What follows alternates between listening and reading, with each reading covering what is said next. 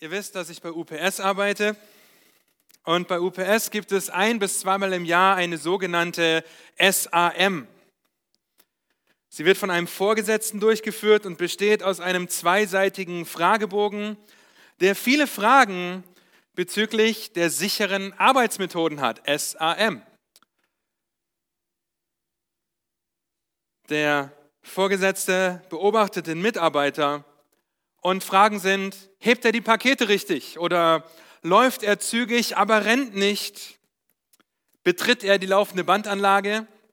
Das wäre ein Fauxpas. Weiß er, wo die Notausgänge sind? Hebt er Müll vom Boden auf? Trägt er Arbeitskleidung? Das sind nur ein paar Fragen auf diesem Bogen. Nun, woher kenne ich diese Fragen?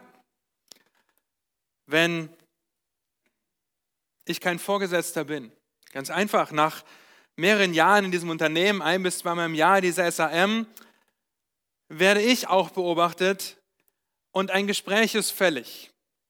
Ein Gespräch nach der Beobachtung mit positivem oder negativem Feedback. Und die Frage, die UPS seinen Mitarbeitern stellt, ist nicht nur einfach, arbeitet er gut oder nicht.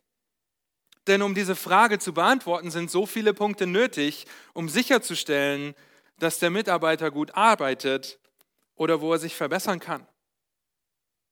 Es wäre schade, einfach nur den Hinweis zu bekommen, ja, du musst besser arbeiten, ohne zu wissen, in welchem Bereich. Und wenn ich dich heute frage, als Bruder im Herrn, ob du letzte Woche würdig gewandelt bist, dann denkst du vielleicht, woher soll ich das wissen? Ja, oder wie soll ich diese abstrakte Frage beantworten? Und heute wollen wir uns eine SAM in unserem geistlichen Leben anschauen, zur Hand nehmen, durchführen. Denn die Frage, wandelst du würdig, kann ohne Rahmen nur schwer beantwortet werden. Und so wollen wir unsere geistlichen Muskeln dehnen, uns prüfen, ob wir würdig wandeln, indem wir uns sechs Prüfkriterien für einen würdigen Wandel anschauen. Und damit im Hinterkopf lade ich euch ein, Epheser Kapitel 4 mit mir aufzuschlagen. Und wenn ihr dieses Kapitel sucht, ein kurzer Hintergrund. Paulus schreibt den Epheserbrief zusammen mit dem Philipperbrief, dem Kolosserbrief und auch dem Philemonbrief aus dem Hausarrest in Rom wo er beständig an einen Soldaten gefesselt wurde oder war. Wir sind ungefähr im Jahr 60 bis 62 und man geht davon aus, dass Paulus diesen Brief verfasste, um auf die religiösen Philosophien zu antworten, die anfingen in Umlauf zu kommen, gerade in Ephesus und Umgebung. Wir sehen eine einfache, aber effektive Gliederung, Kapitel 1 bis 3 und Kapitel 4 bis 6. Und wenn wir dieses Kapitel gemeinsam lesen, dann achtet während dem Lesen darauf, ob ihr die Versabschnitte der sechs Prüfkriterien herausfinden könnt, ob ihr sie sehen könnt im Text. Epheser Kapitel 4 ab Vers 1. So ermahne ich euch nun, ich, der Gebundene im Herrn, dass ihr der Berufung würdig wandelt, zu der ihr berufen worden seid, indem ihr mit aller Demut und Sanftmut, mit Langmut einander in Liebe ertragt und eifrig bemüht seid, die Einheit des Geistes zu bewahren durch das Band des Friedens ein Leib und ein Geist, wie ihr auch berufen seid, zu einer Hoffnung eurer Berufung. Ein Herr, ein Glaube, eine Taufe, ein Gott und Vater aller, über allen und durch alle und in euch allen. Jedem Einzelnen von uns aber ist die Gnade gegeben nach dem Maß der Gabe des Christus. Darum heißt es, er ist emporgestiegen zur Höhe, hat Gefangene weggeführt und den Menschen Gaben gegeben, das Wort aber, er ist hinaufgestiegen, was bedeutet es anderes, als dass er auch zuvor hinabgestiegen ist zu den Niederungen der Erde? Der hinabgestiegen ist, ist derselbe, der auch hinaufgestiegen ist über alle Himmel, damit er alles erfülle.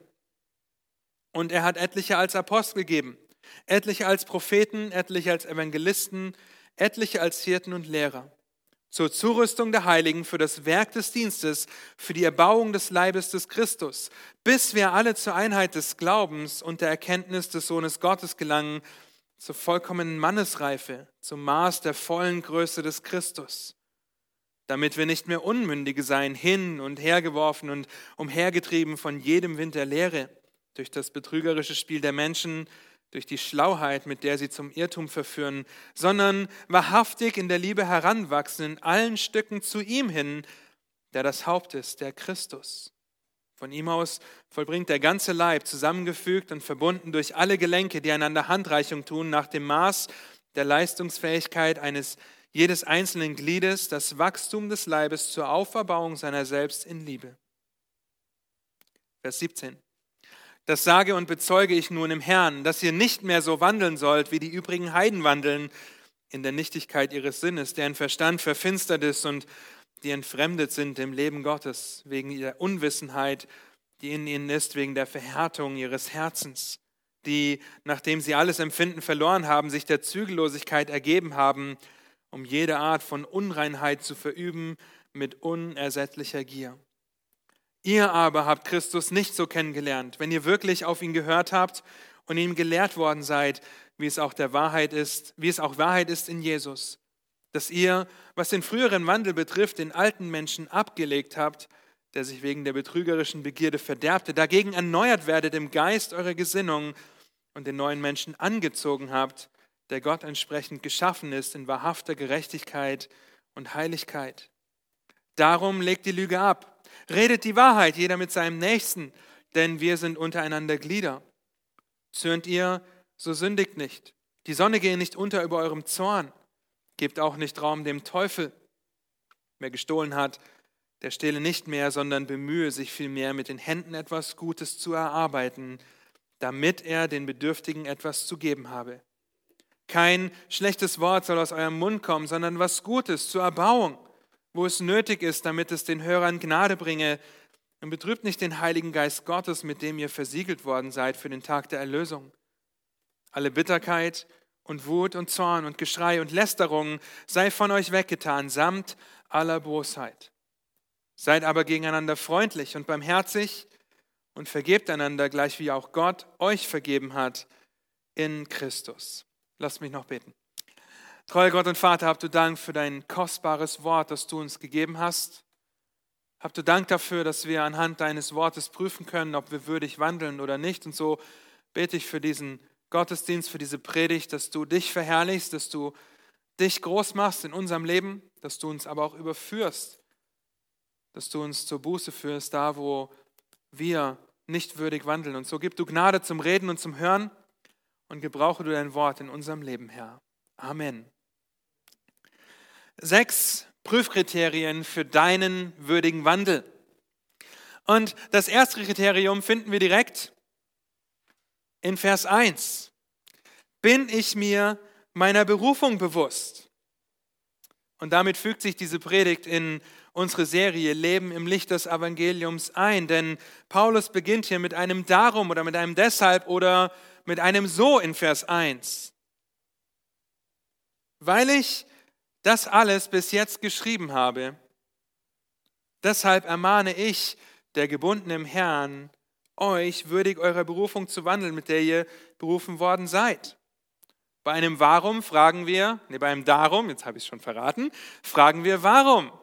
Ja, bei einem Deshalb fragen wir Weshalb und bei einem So können wir uns fragen, wo steht das, von dem er jetzt anfängt zu sprechen. Kapitel 1 bis 3. Sie zeigen uns auf, wer wir in Christus sind, was Gott, der Vater, für uns getan hat und welchen Teil Christus und der Heilige Geist dazu beitragen. Nur ein paar Highlights für euch aus den ersten drei Kapiteln. Da heißt es, Gepriesen sei der Gott und Vater unseres Herrn Jesus Christus, der uns gesegnet hat mit jedem geistlichen Segen in den himmlischen Regionen in Christus wie er uns in ihm auserwählt hat vor Grundlegung der Welt, damit wir heilig und tadellos vor ihm seien in Liebe. Wir können nichts dazu beitragen, dass wir heilig und tadellos vor Gott stehen. Das ist Gottes Werk in unserem Leben. Kapitel 1 weiter, Verse 13 und 14. In ihm seid auch ihr, nachdem ihr das Wort der Wahrheit, das Evangelium eurer Errettung gehört habt, in ihm seid auch ihr, als ihr gläubig wurdet, versiegelt worden mit dem Heiligen Geist der Verheißung, der das Unterpfand unseres Erbes ist, bis zur Erlösung des Eigentums zum Lob seiner Herrlichkeit. Durch den Heiligen Geist sind wir versiegelt und keiner kann dieses Siegel brechen, nicht einmal ich selbst. Kapitel 2, Verse 4 bis 7, da heißt es, Gott aber, vorher redet es davon, dass wir in Übertretungen gewandelt sind. Gott aber, der reich ist an Erbarmen, hat um seiner großen Liebe willen, mit der er uns geliebt hat, auch uns, die wir tot waren durch die Übertretungen, mit dem Christus lebendig gemacht. Aus Gnade seid ihr errettet und hat uns mit auferweckt und mitversetzt in die himmlischen Regionen in Christus Jesus, damit er in den kommenden Weltzeiten den überschwänglichen Reichtum seiner Gnade in Güte an uns erweise in Christus Jesus. Und wenn ihr diese ersten drei Kapitel lest und es euch nicht auffällt, dass wir in Christus sind, dann habt ihr euch verlesen. Denn so häufig in Christus, durch Christus, mit Christus, er hat uns geistlich lebendig gemacht in Christus. Nur so sind wir überhaupt in der Lage, zu Kapitel 4, Vers 1 zu kommen, würdig zu wandeln. Das kommt nicht von uns, das kommt von Gott. Kapitel 2, Vers 13, dort heißt es, Jetzt aber in Christus seid ihr, die einst fern wart, nahegebracht worden durch das Blut des Christus. Durch Christus. Und das Blut, das er vergossen hat, das ist die Berufung. Er hat uns erkauft. Es hat den Vater alles gekostet, das Blut seines Sohnes, dich und mich nahe zu bringen.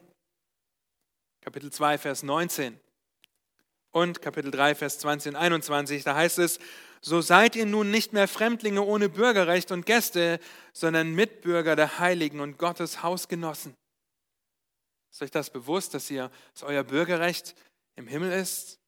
Kapitel 3, der Abschluss dieses ersten Teils. Dem aber, der weit über die Maßen mehr zu tun vermag, als wir bitten oder verstehen, gemäß der Kraft, die in uns wirkt, ihm sei die Ehre in der Gemeinde in Christus Jesus auf alle Geschlechter der Ewigkeit, der Ewigkeiten. Amen. Das Ende des ersten Teils. Und meine Frage an dich ist, bist du dir deiner Berufung bewusst? Vielleicht sitzt du auch hier oder schaust zu und kannst mit den Versen, die wir gerade gelesen haben, intellektuell vielleicht was anfangen, aber sie bedeuten dir nichts, weil du keine lebendige Beziehung zu Christus hast. Dann möchte ich dich heute Nachmittag bitten, hier und jetzt deine Knie vor ihm zu beugen und Buße zu tun, ihm um die Vergebung deiner Sünden zu bitten, weil Christus mit seinem Blut dafür bezahlt hat. Und dass du den Herrn Jesus als deinen Herrn und Retter anerkennst. Sonst wird diese Predigt entweder einen gesetzlichen aus dir machen oder nichts weiter bringen. Alle anderen, wie definiert ihr euch? Was ist eure Definition? Wenn wir euch fragen, wer, wer seid ihr oder was, was macht ihr, wer seid ihr? Wie häufig am Tag denkst du über die Wahrheiten des Evangeliums nach, die wir zum Beispiel in den ersten drei Kapiteln des Epheserbriefs lesen? Oder definierst du dich vielmehr als die alleinerziehende Mutter, die ständig gestresst ist, oder der Arbeitnehmer, der zu wenig verdient, der Vater, der ständig versagt, die Mutter, die es leid ist, ihre Kinder zu erziehen? Definierst du dich über deine Krankheit oder deine Einschränkung, vielleicht über deinen Beziehungsstatus oder deine Depression? Nun, in Christus ist deine Definition erlöst durch sein Blut, ein Kind Gottes. Und als Kind Gottes stehe ich vor dem Thron Gottes und rufe, aber Vater, ich bin versiegelt mit dem Heiligen Geist und mein Bürgerrecht ist im Himmel. Ist das nicht eine so schöne Definition? Ich bin Christ ich gehöre zu Christus und Christus hat mich in Situationen in dieser Welt gestellt, die vielleicht herausfordernd sein mögen, aber ich möchte mich über Christus identifizieren, weil ich in ihm bin und er und Gott durch Christus mich zu seinem Kind gemacht hat. Würdig der Berufung zu wandeln, bedeutet sich erstmal dieser Berufung überhaupt bewusst zu sein. Das zweite Prüfkriterium, das wir finden, ist Vers 2. Und gleich werden die Abschnitte etwas größer. Liebe ich meine Geschwister. Und wenn das erste für dich einfach war, weil du sagst, ja, ich bin mir der, des Evangeliums bewusst und auch der Auswirkungen in meinem Leben, ich definiere mich so, dass ich in Christus bin, dann wird es jetzt vielleicht warm in deiner geistlichen Muskulatur. Fängst du jetzt vielleicht langsam an, es zu dehnen, dich zu dehnen? Denn Paulus fordert die Philipper nicht nur auf, würdig zu wandeln, sondern er sagt ihnen auch gleich noch, wie das auszusehen hat, wie sie würdig wandeln sollen. Und hier wird es herausfordernd für uns alle. Wenngleich wir uns unserer Berufung bewusst sind, ist es nicht immer einfach miteinander. Zwischenmenschliche Beziehungen sind durch ein Leben in einer gefallenen Welt mit einem gefallenen, sündigen Leib schwierig. Wir sehen das zum Beispiel bei Miriam und Mose in 4. Mose 12, dass Miriam sich über ihn stellt und mit Aussatz geschlagen wird. Wir sehen die Herausforderung bei Petrus und den Heiden beziehungsweise den Juden, wenn er sich von den Heiden fernhält in Galater 2 und Paulus ihn zurechtweisen muss aber auch bei der Trennung von Paulus und Barnabas über Markus in Apostelgeschichte 15 oder der Streit zwischen Euodia und Sintiche, der von Paulus in Philippa 4 angekreidet wird und ermahnt wird, sie eines Sinnes sein sollen. Nun mehr als 2000 Jahre in die Vergangenheit zu gucken, das trägt vielleicht dazu bei, dass wir uns jetzt ganz gut fühlen dabei. Ja, 2000 Jahre, das ist lange her, das hat doch mit mir nichts zu tun. Ne? Wie sieht das bei dir aus? Liebst du deine Geschwister? Paulus gibt uns ein dreifaches Prüfkriterium in diesem Vers. Erstens, in Demut. Die Demut überhebt sich nicht über den Stand, der dir zusteht. Vielmehr konzentriert sie sich darauf, den anderen in Gedanken, Worten und Taten höher zu achten als sich selbst. Denke an die Zeiten der letzten Woche, vielleicht heute Vormittag, heute Morgen, vielleicht beim Betreten des Gottesdienstraums, an die Situation, in denen du dich überhoben hast. Ich habe meine Kinder angeschrien, weil sie nicht das gemacht haben, was ich wollte. Ich denke, ich habe einen viel besseren Kleidungsgeschmack als so und so. Ich meine, dass meine Frau mir dienen muss, wenn ich nach Hause komme. Ja, ich bin bei der Arbeit nicht immer so konzentriert und ich nehme es nicht so ganz genau, aber, aber du solltest mal Peter sehen. Der ist viel schlimmer als ich. Wir alle kämpfen mit hochmütigen Gedanken, überheben uns in Gedanken, vielleicht sogar in Worten und Taten. Zweitens mit Sanftmut, in Demut, mit Sanftmut. Die Sanftmut beschreibt eine Person, die mild freundlich, sanft oder angenehm ist, anstatt hart, rau und gewalttätig. Und hier können wir uns die Frage stellen, zeichnet mich das aus? Ist es angenehm, in meiner Nähe zu sein? Und wenn du die Frage mit Ja beantwortest, dann frage mal deine Eltern, frage deinen Ehepartner, frage Freunde um dich herum, frage Arbeitskollegen. Ist es angenehm um mich herum? Sind deine Worte, deine Gedanken und Handlungen immer von Sanftmut geprägt, denn das ist der Maßstab, den Gott hat, dass wir ohne seine Gnade alles erreichen müssten und wir können das nicht. Wir können das Gesetz nicht komplett halten. Aber der Anspruch ist da. Deswegen brauchen wir Christus. Und wenn deine Handlung immer von Sanftmut geprägt ist, dann mach hier bitte weiter, nimm meinen Platz ein in Situationen, die letzte Woche nicht in deinen Plan gepasst haben, wie hast du reagiert? Warst du sanftmütig oder dein Gegenüber oder mindestens Gott dein Augenrollen, dein Kopfschütteln, dein Verärgertsein, dein gesehen, zu spüren bekommen? Das Wörterbuch sagt über Sanftmut weiter, Zitat, diese Sanftmut basiert auf der Liebe und kann deshalb nicht über harte Bestrafung nachdenken, selbst wenn Ungehorsam zugrunde liegt. Mit anderen Worten, selbst wenn an dir gesündigt wird, sie befähigt den Christen, seinen Bruder ohne Arroganz, Ungeduld oder Wut zu konfrontieren und sich auch so schon auf diese Konfrontation vorzubereiten. Die dritte Frage ist, bist du geduldig, die Langmut? Mit Langmut heißt es in unserem Text. Oder ist es dein Gebet, Herr, schenke mir Geduld? Aber sofort, wenn deine Kinder ihren Schlafanzug anziehen sollen oder dein Mann nicht von alleine sieht, wie der Müll überquillt Wie reagierst du? Wenn die Schlange im Supermarkt mit 1,50 Meter Abstand bis zur Kühltheke reicht oder noch weiter, wie reagierst du? Wenn du im Stau stehst oder die S-Bahn nicht kommt, wie reagierst du? Wie, wenn auf der Arbeit etwas nicht so funktioniert, wie du dir das vorstellst, wie reagierst du? Geduldig und langmütig?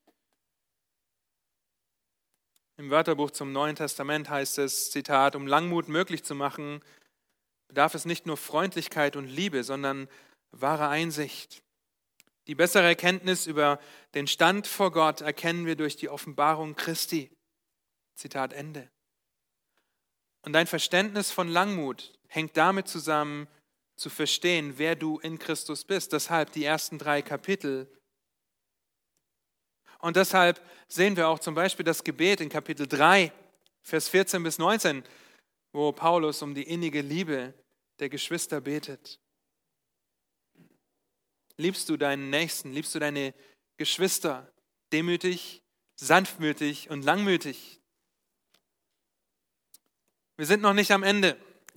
Das dritte Prüfkriterium, sich auf die Einheit zu konzentrieren.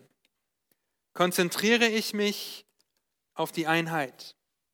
Verse 3 bis 6. Paulus fordert zum einen auf, die gegebene Einheit zu bewahren und zum anderen, sich dieser Einheit überhaupt bewusst zu sein. Und wenn ihr den Text mitgelesen habt, aufmerksam mitverfolgt habt, dann habt ihr gesehen, dass wir nichts für diese Einheit können. Die Einheit des Geistes. Der Geist ist derjenige, der uns zusammenstellt, so wie wir hier oder zu Hause sitzen als Teil einer lokalen Gemeinde. Es ist der Geist Gottes, der das gewirkt hat. Das könnt ihr allein in unserer Ältestenschaft sehen, wie wir nichts für diese Einheit können. Ja, von Wiesbaden in die Mongolei nach Berlin, in die Bibelgemeinde Berlin, von Bad Oldesloe nach Brake, nach Stuttgart, nach Kanada, in die USA und dann nach Berlin in die Bibelgemeinde von Bad Königshofen im Grabfeld, nach Rostock in die USA, in den Schwarzwald und dann nach Berlin. Wir haben uns das nicht ausgedacht. Der Geist hat das geschenkt, dass er uns zusammenführt. Und wir könnten eines jeden einzelnen Geschichte hier aufführen und einfach staunen darüber, wie er diese Einheit geschenkt hat. Wir können nichts für die Einheit des Geistes.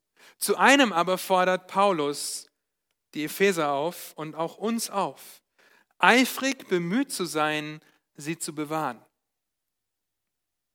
Eifrig bemüht zu sein, sie zu bewahren. Alles in, der Ma in unserer Macht Stehende zu tun, diese Einheit in die Tat umzusetzen. Das beinhaltet eine gewisse Toleranz dem anderen gegenüber, und das ist manchmal schwer. Das Ehepaar, das sich zum Glauben bekennt und sich immer weiter voneinander distanziert, weil der eine das macht, was dem anderen nicht gefällt und der andere das tut, was dem anderen wiederum nicht gefällt. Sie reden mehr über die Unterschiede als über ihre Einheit in Christus. Und nicht nur in den Ehen geschieht das, sondern auch in Familien, aber auch in Gemeinden. Ich konzentriere, mich mehr auf das, was es mir bringt, was mir am anderen oder seinen Aussagen nicht gefällt. Und schon denke ich, diese Wachstumsgruppe ist nichts für mich, weil Hans immer zu spät kommt. Nun, ihr Lieben, es geht schnell, dass wir uns auf die Unterschiede konzentrieren, anstatt die Einheit zu bewahren, weil uns in diesem Moment das Evangelium der rettenden, errettenden Gnade Jesu Christi lange nicht so wichtig ist wie die Dinge, die uns stören. Wie die Dinge, die für uns vielleicht Präferenzen sind, aber nicht klar als Sünde von der Bibel definiert sind. Dabei ist das allein der Grund für unsere Einheit. Christus, der uns erlöst hat. Als auch Paulus das sehr deutlich machen wollte, fährt er fort, indem er in vier Versen siebenmal, in drei Versen, siebenmal das Wort eingebraucht. Ein Glaube, ein Gott, ein Vater, ein, eine Hoffnung, eine Berufung und so weiter. Um diese Einheit deutlich zu machen. Und die Frage an dich, an mich ist, konzentrieren wir uns auf die Einheit in Christus oder auf die Dinge, die uns voneinander unterscheiden? Wenn Sam predigt, bringt mir das nichts. Oder Daniel predigt viel besser, Dieter sowieso. Der Kleidungsstil passt mir nicht. Es kann nicht sein, dass die und die immer zu spät kommen oder die ganze Gesprächszeit in der Wachstumsgruppe einnehmen. Wir sind schnell dabei, uns auf die Unterschiede, auf die Kritik zu konzentrieren, anstatt auf die Einheit, die durch den Geist Gottes gegeben ist und darauf, wie wir sie bewahren können und sollen. Bewahrst du die Einheit? Konzentrierst du dich auf die Einheit in der Gemeinde, indem du den anderen höher achtest als dich selbst? Vielleicht spannen deine Muskeln langsam, deine geistlichen. Du denkst, oh, puh, bis jetzt schneide ich noch nicht so gut ab. Paulus fährt fort mit den Versen 7 bis 16 und gibt uns das nächste Prüfkriterium für unseren würdigen Wandel. Meine Heiligung ist ein Gemeinschaftsprojekt. Ein Gemeinschaftsprojekt, das wir in den Versen 7 bis 16 sehen. Und zunächst einmal ist es ermutigend, dass jeder von uns begabt ist und dass diese Gnadengabe, die wir bekommen haben, nicht auf uns zurückzuführen ist, weil wir so toll sind, sondern auf Christus und sein Evangelium. Er ist herabgekommen, er ist wieder hinaufgestiegen, ihm ist alles gegeben. Das erinnert uns an die Worte aus Philippa Kapitel 2. Wenn du ein Kind Gottes bist, dann bist du mit dem Tag deiner Rettung mit einer oder mehreren Gnadengaben ausgestattet worden. Und das mit einem ganz bestimmten Ziel. Aber nicht, weil du so toll bist, sondern weil der Geist, der die Einheit schenkt, alles daran setzt, diese Einheit auch zu ermöglichen. Wenn wir in Christus begabt sind, dann können wir zuversichtlich sein, dass diese Gabe relevant ist, weil Christus alles erfüllt hat. Ihm gebührt die Ehre dafür.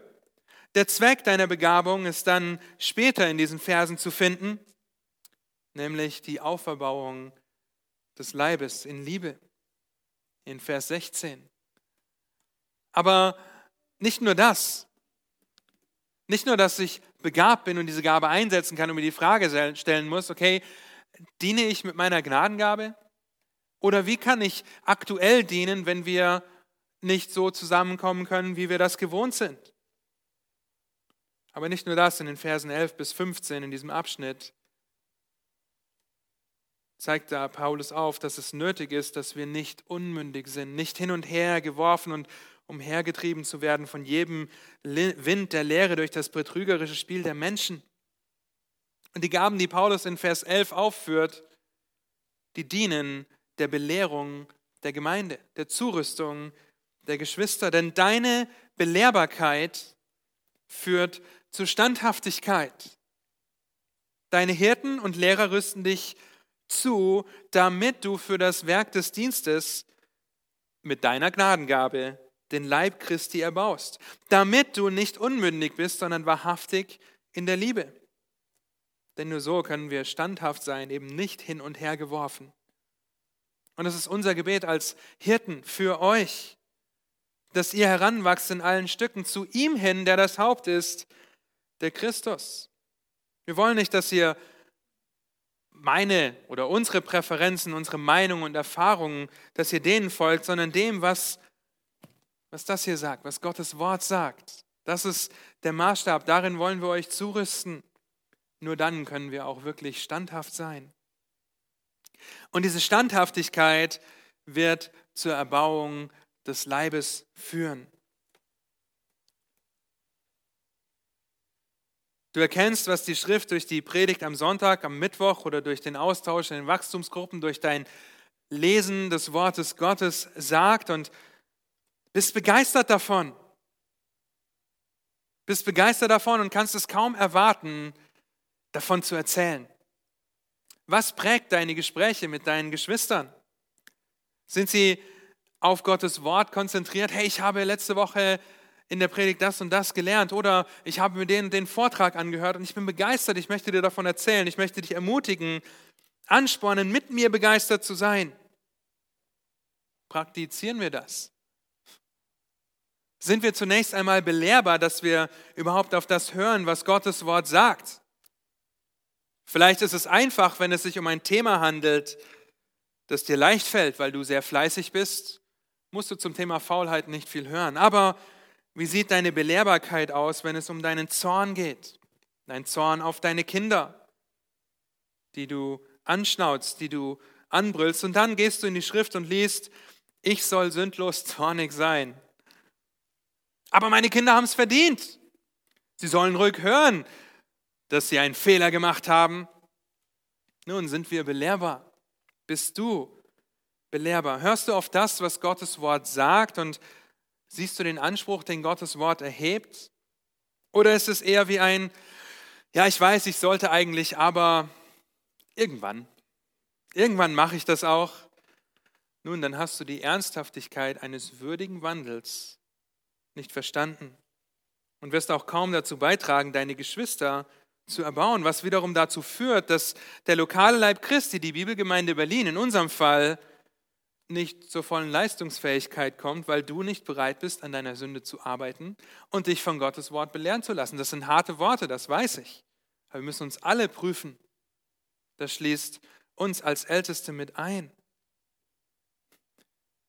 Und wenn du jetzt schluckst und denkst, oh Mann, wie soll ich nur an meiner Sünde arbeiten, damit ich meinen Geschwistern dienen kann und würdig des Evangeliums, würdig der Berufung wandle, dann sind das auch meine Gedanken. Wie geht das? Jeder von uns kämpft mit Sünde. Es gibt keinen von uns, der hier sitzt oder mich, der hier steht, der nicht mit Sünde kämpft. Vielleicht ist es eine Sünde nur zwischen dir und Gott, die niemand anders mitbekommt, weil du sie vor Menschen gut verbergen kannst. Vielleicht ist sie nur in deinen eigenen vier Wänden zu sehen, in deiner Familie, in deiner Ehe oder ganz öffentlich. Jeder kämpft mit Sünde. Und es ist so gut, dass Paulus uns den nächsten Prüfstein gibt, in Versen 17 bis 24. Und wir uns die Frage stellen können, weiß ich, wie Sünde ab und Gerechtigkeit angelegt wird? Weiß ich, wie das funktioniert? Weiß ich, was die Schrift dazu zu sagen hat? Wenn wir noch sündigen, dann leben wir in diesem Moment der Sünde, so hart es klingt, wie die Gottlosen. Das heißt in Vers 17, dass ihr nicht mehr so wandeln sollt. Das ist ein Aufruf, ein Befehl wie die Heiden. Wir sollen so nicht mehr wandeln, denn es ist nichtig, verfinstert, entfremdet, ohne Empfinden. Der Unterschied ist, dass dein Herz und mein Herz nicht mehr verhärtet ist, dass wir nicht unwissend sind, weil wir erlöst sind, weil wir Kinder Gottes sind. Und dennoch können wir uns genauso verhalten oder nicht? Christen, die mit Pornografie kämpfen oder mit ihren Worten kämpfen, die gierig oder neidisch sind, die undankbar werden oder sich Sorgen machen. Ihr Lieben, das sind Aufforderungen der Schrift, dass wir das nicht tun sollen. Wenn wir das tun, handeln wir wie die Gottlosen. Auch wenn wir sie, wenn wir nach unserem Stand nach, wer wir in Christus sind, keine Gottlosen mehr sind. Und wahrscheinlich trifft es für heute schon auf dich zu, dass du gesündigt hast. Auf wen das nicht zutrifft, der darf sich jetzt melden. Okay, danke. Das Evangelium sagt etwas anderes und dennoch habe ich gesündigt. Aber Paulus fährt fort und sagt, wir haben Christus nicht so kennengelernt. Das Evangelium hat uns verständigt, hat uns lebendig gemacht, hat uns gelehrt, die Sünde zu hassen. Deshalb legen wir den alten Menschen ab. Vers 22 folgen nicht mehr der betrügerischen Begierde, die uns Seelenheil oder Freude vorgaukelt, Frieden vorgaukelt. Vielleicht kennt ihr das. Ich meine etwas zu brauchen und wenn ich das habe, dann geht es mir für drei Minuten gut. Und dann brauche ich das nächste und das nächste und das nächste. Betrügerische Begierden. Und wenn ihr die Gewohnheit habt, Dinge in euren Bibeln zu unterstreichen, dann möchte ich euch bitten, Vers 23 zu markieren. Denn wie wir das ablegen, geschieht nur, indem unsere Gesinnung erneuert wird. Das ist das Zentrale. Die Gesinnung erneuert. Und die Grammatikgenies unter euch, die erheben an dieser Stelle den Einwand, das ist passiv. Ja, ich werde erneuert in meinem Geist, in meiner Gesinnung. Ich muss dafür nichts tun. Nun ja, ich kann da nichts gegen einwenden. Aber wie willst du in deiner Gesinnung, in dem, was du denkst und warum du handelst, warum du tust, was du tust, wie willst du in dem erneuert werden, wenn du dich dem, der es erneuert, nicht aussetzt? Wie, ist das, wie willst du das tun, wenn du dich nicht dem Wort Gottes aussetzt, das allein die Kraft hat, dich zu verändern, das allein die Kraft hat, dich zu überführen, das alleine die Kraft hat, uns zu belehren, damit wir völlig zugerüstet sind, für jedes gute Werk nützlich? Das ist wie das Füttern deiner zwei Hunde, wenn du Hunde haben solltest. Ja, der Hund wächst von alleine, wenn du ihm zu essen gibst. Er kann sein Wachstum, für das er wiederum nichts kann, aber verhindern, indem er einfach nicht isst. Die Frage ist, welchen Hund du in deinen Gedanken fütterst. Deinen Schweinehund indem du deine Zeit mit der Anstrengung der Veränderung verbringst, indem du darauf schaust, was andere YouTuber oder was auf Facebook los ist, was Influencer auf Instagram posten, was sie besser machen, dass ich besser werde oder auf Twitter? Oder fütterst du deinen geistlichen Hund? Geistliche Nahrung mit dem Wort Gottes, mit guter biblischer Literatur, damit deine Gesinnung erneuert werden kann? Lege ich, lasse ich mich in meiner Gesinnung erneuern? Und das geht damit einher, dass wir bereit sind, Gerechtigkeit anzulegen, bewusst und aktiv daran zu arbeiten, die Sünde abzutöten, darüber nachzudenken, was die Schrift sagt und das dann anzuwenden. Ein Beispiel, nur für euch und jeden, der diese Predigt irgendwann hört. Für uns als Familie, für meine Frau und mich, und ich habe die Erlaubnis meiner Frau, das Zeugnis, dieses Beispiel zu geben, sind das gerade die Worte, die wir reden. Die Gestik, die wir dabei benutzen.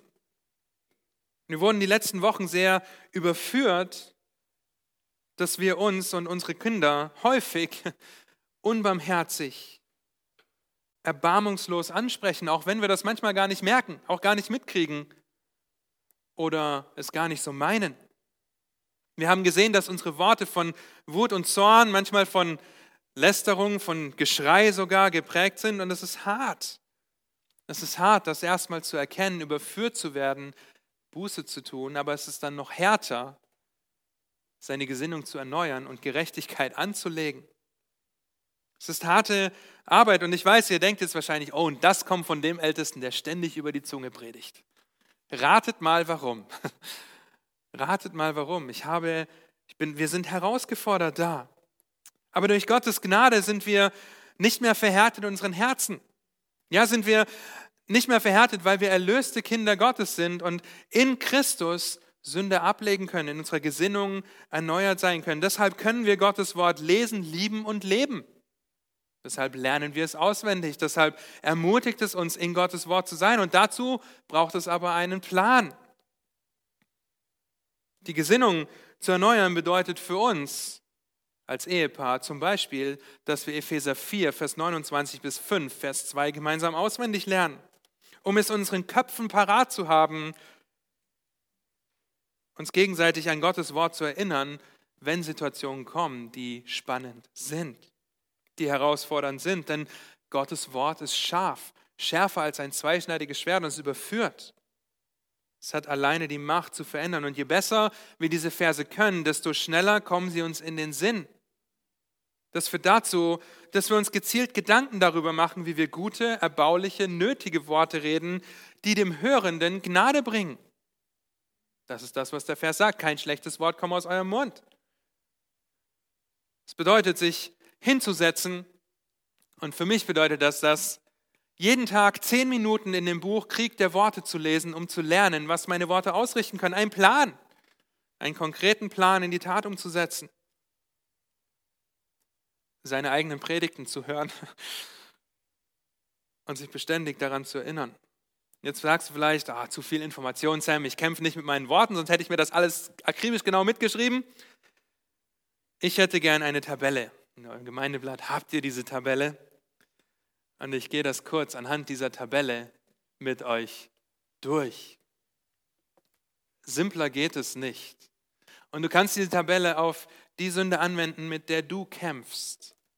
Sündiges Verhalten.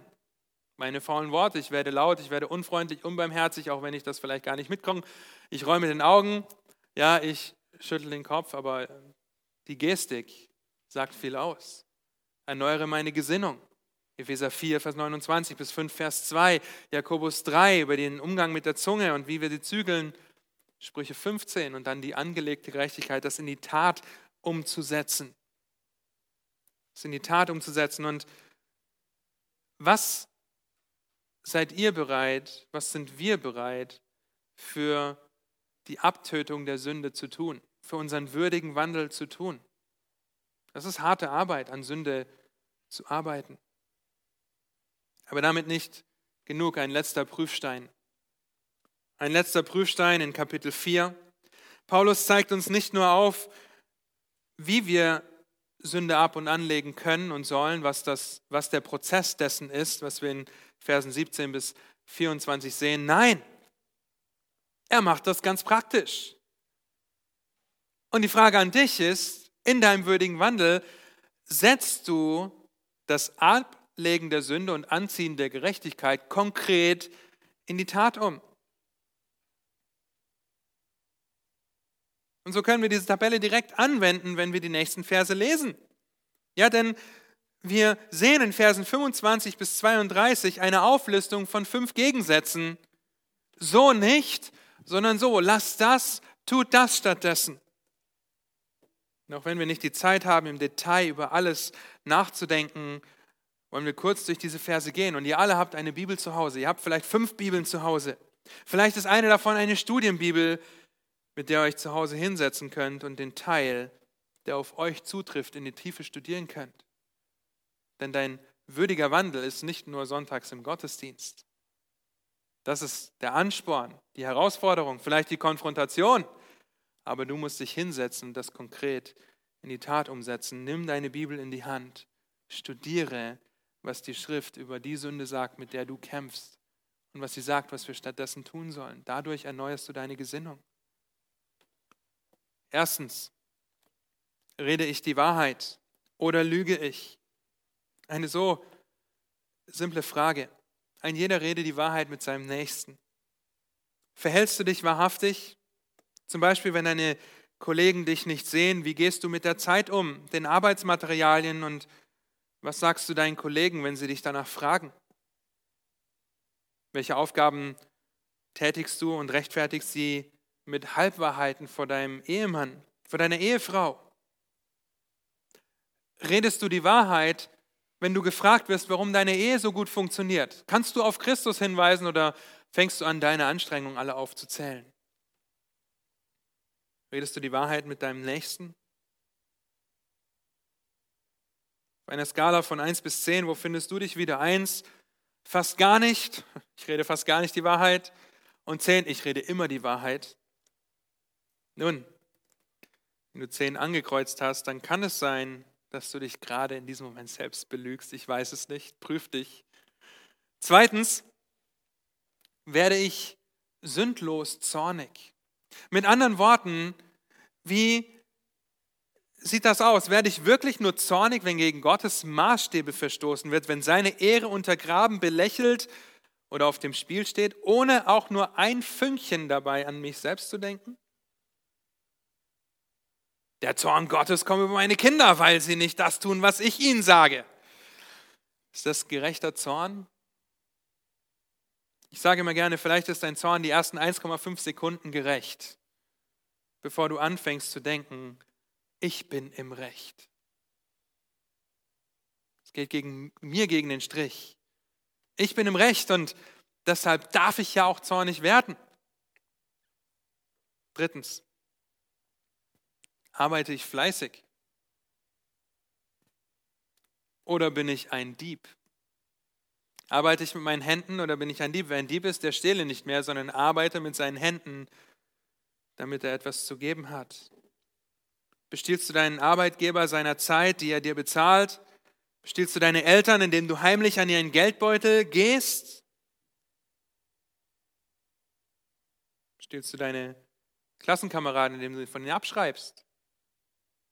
Oder arbeitest du fleißig, damit du etwas zu geben hast? Nun, Kinder, ich weiß, ihr seid nicht in der Lage, Geld zu verdienen, aber seid ihr fleißig? Eignet ihr euch das an, fleißig zu sein?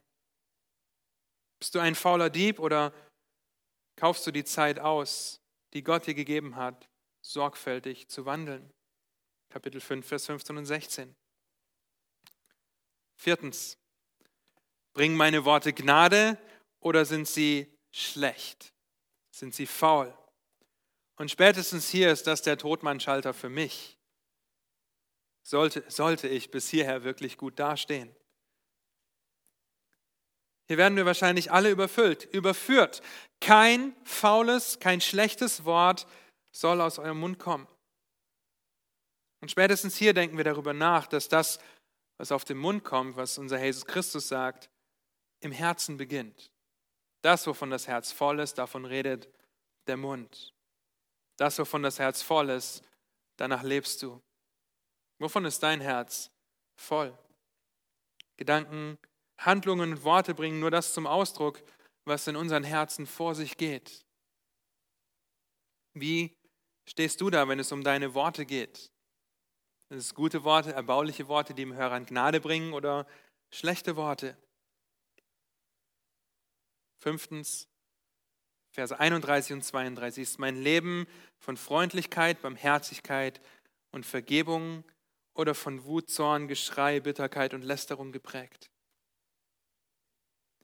Lieben, wenn du wütend oder gar bitter gegen deinen Nächsten bist, dann ist das das Gegenteil von Vers 32. Prüfe dich, wo du stehst. Hegst du Groll, Wut oder Zorn oder Unzufriedenheit gegen deine Nachbarn, weil sie zu laut sind? Gegen deinen Pastor, weil er etwas so entscheidet oder gesagt hat, was dir nicht passt? Gegen deine Familie, weil sie dir nicht die Ruhe gibt, die du verdient hast? Wandelst du würdig oder nicht? Und das ist die Frage, die wir uns zum Schluss stellen wandelst du würdig? Und das waren nur sechs Prüfkriterien. Bei einer Skala von 1 bis 10, wie schneidest du ab, wenn du alle sechs Punkte berücksichtigst? Und nur als Ermutigung und auch als Ermahnung, wenn du das tust, du musst das nicht jetzt tun, wenn du das in den nächsten Tagen vielleicht tust, dir die Zeit nimmst und dich prüfst, dann sei ehrlich. Denn der, der dein Herz kennt, der es verändern möchte, der weiß es sowieso. Aber bevor du das nicht anerkennst, wirst du nicht an deiner Gesinnung arbeiten. In jedem Fall möchte ich euch aber auch ermutigen, wenn ihr Hilfe braucht, Hilfe bei euren Ältesten zu suchen. Denn unsere Heiligung ist ein Gemeinschaftsprojekt. Und ihr wisst jetzt, woran meine Frau und ich arbeiten. Und ihr könnt uns in der kommenden Woche Nachrichten schreiben und auf Epheser 4, Vers 29 aufmerksam machen. Zum Beispiel, indem ihr aber auch nachfragt und für uns betet. Leute, wir wollen keine Gemeinde sein, die ihr Kopfwissen einfach nur auf einem Silbertablett präsentiert und sagt, ich weiß, was in Epheser 4 steht, aber es hat mit meinem Leben rein gar nichts zu tun. Wenn du auf dieser Skala in allen Punkten zwischen 8 und 10 abschneidest, dann brauchst du vielleicht Hilfe dabei zu verstehen, dass deine Selbstgerechtigkeit nichts bringt.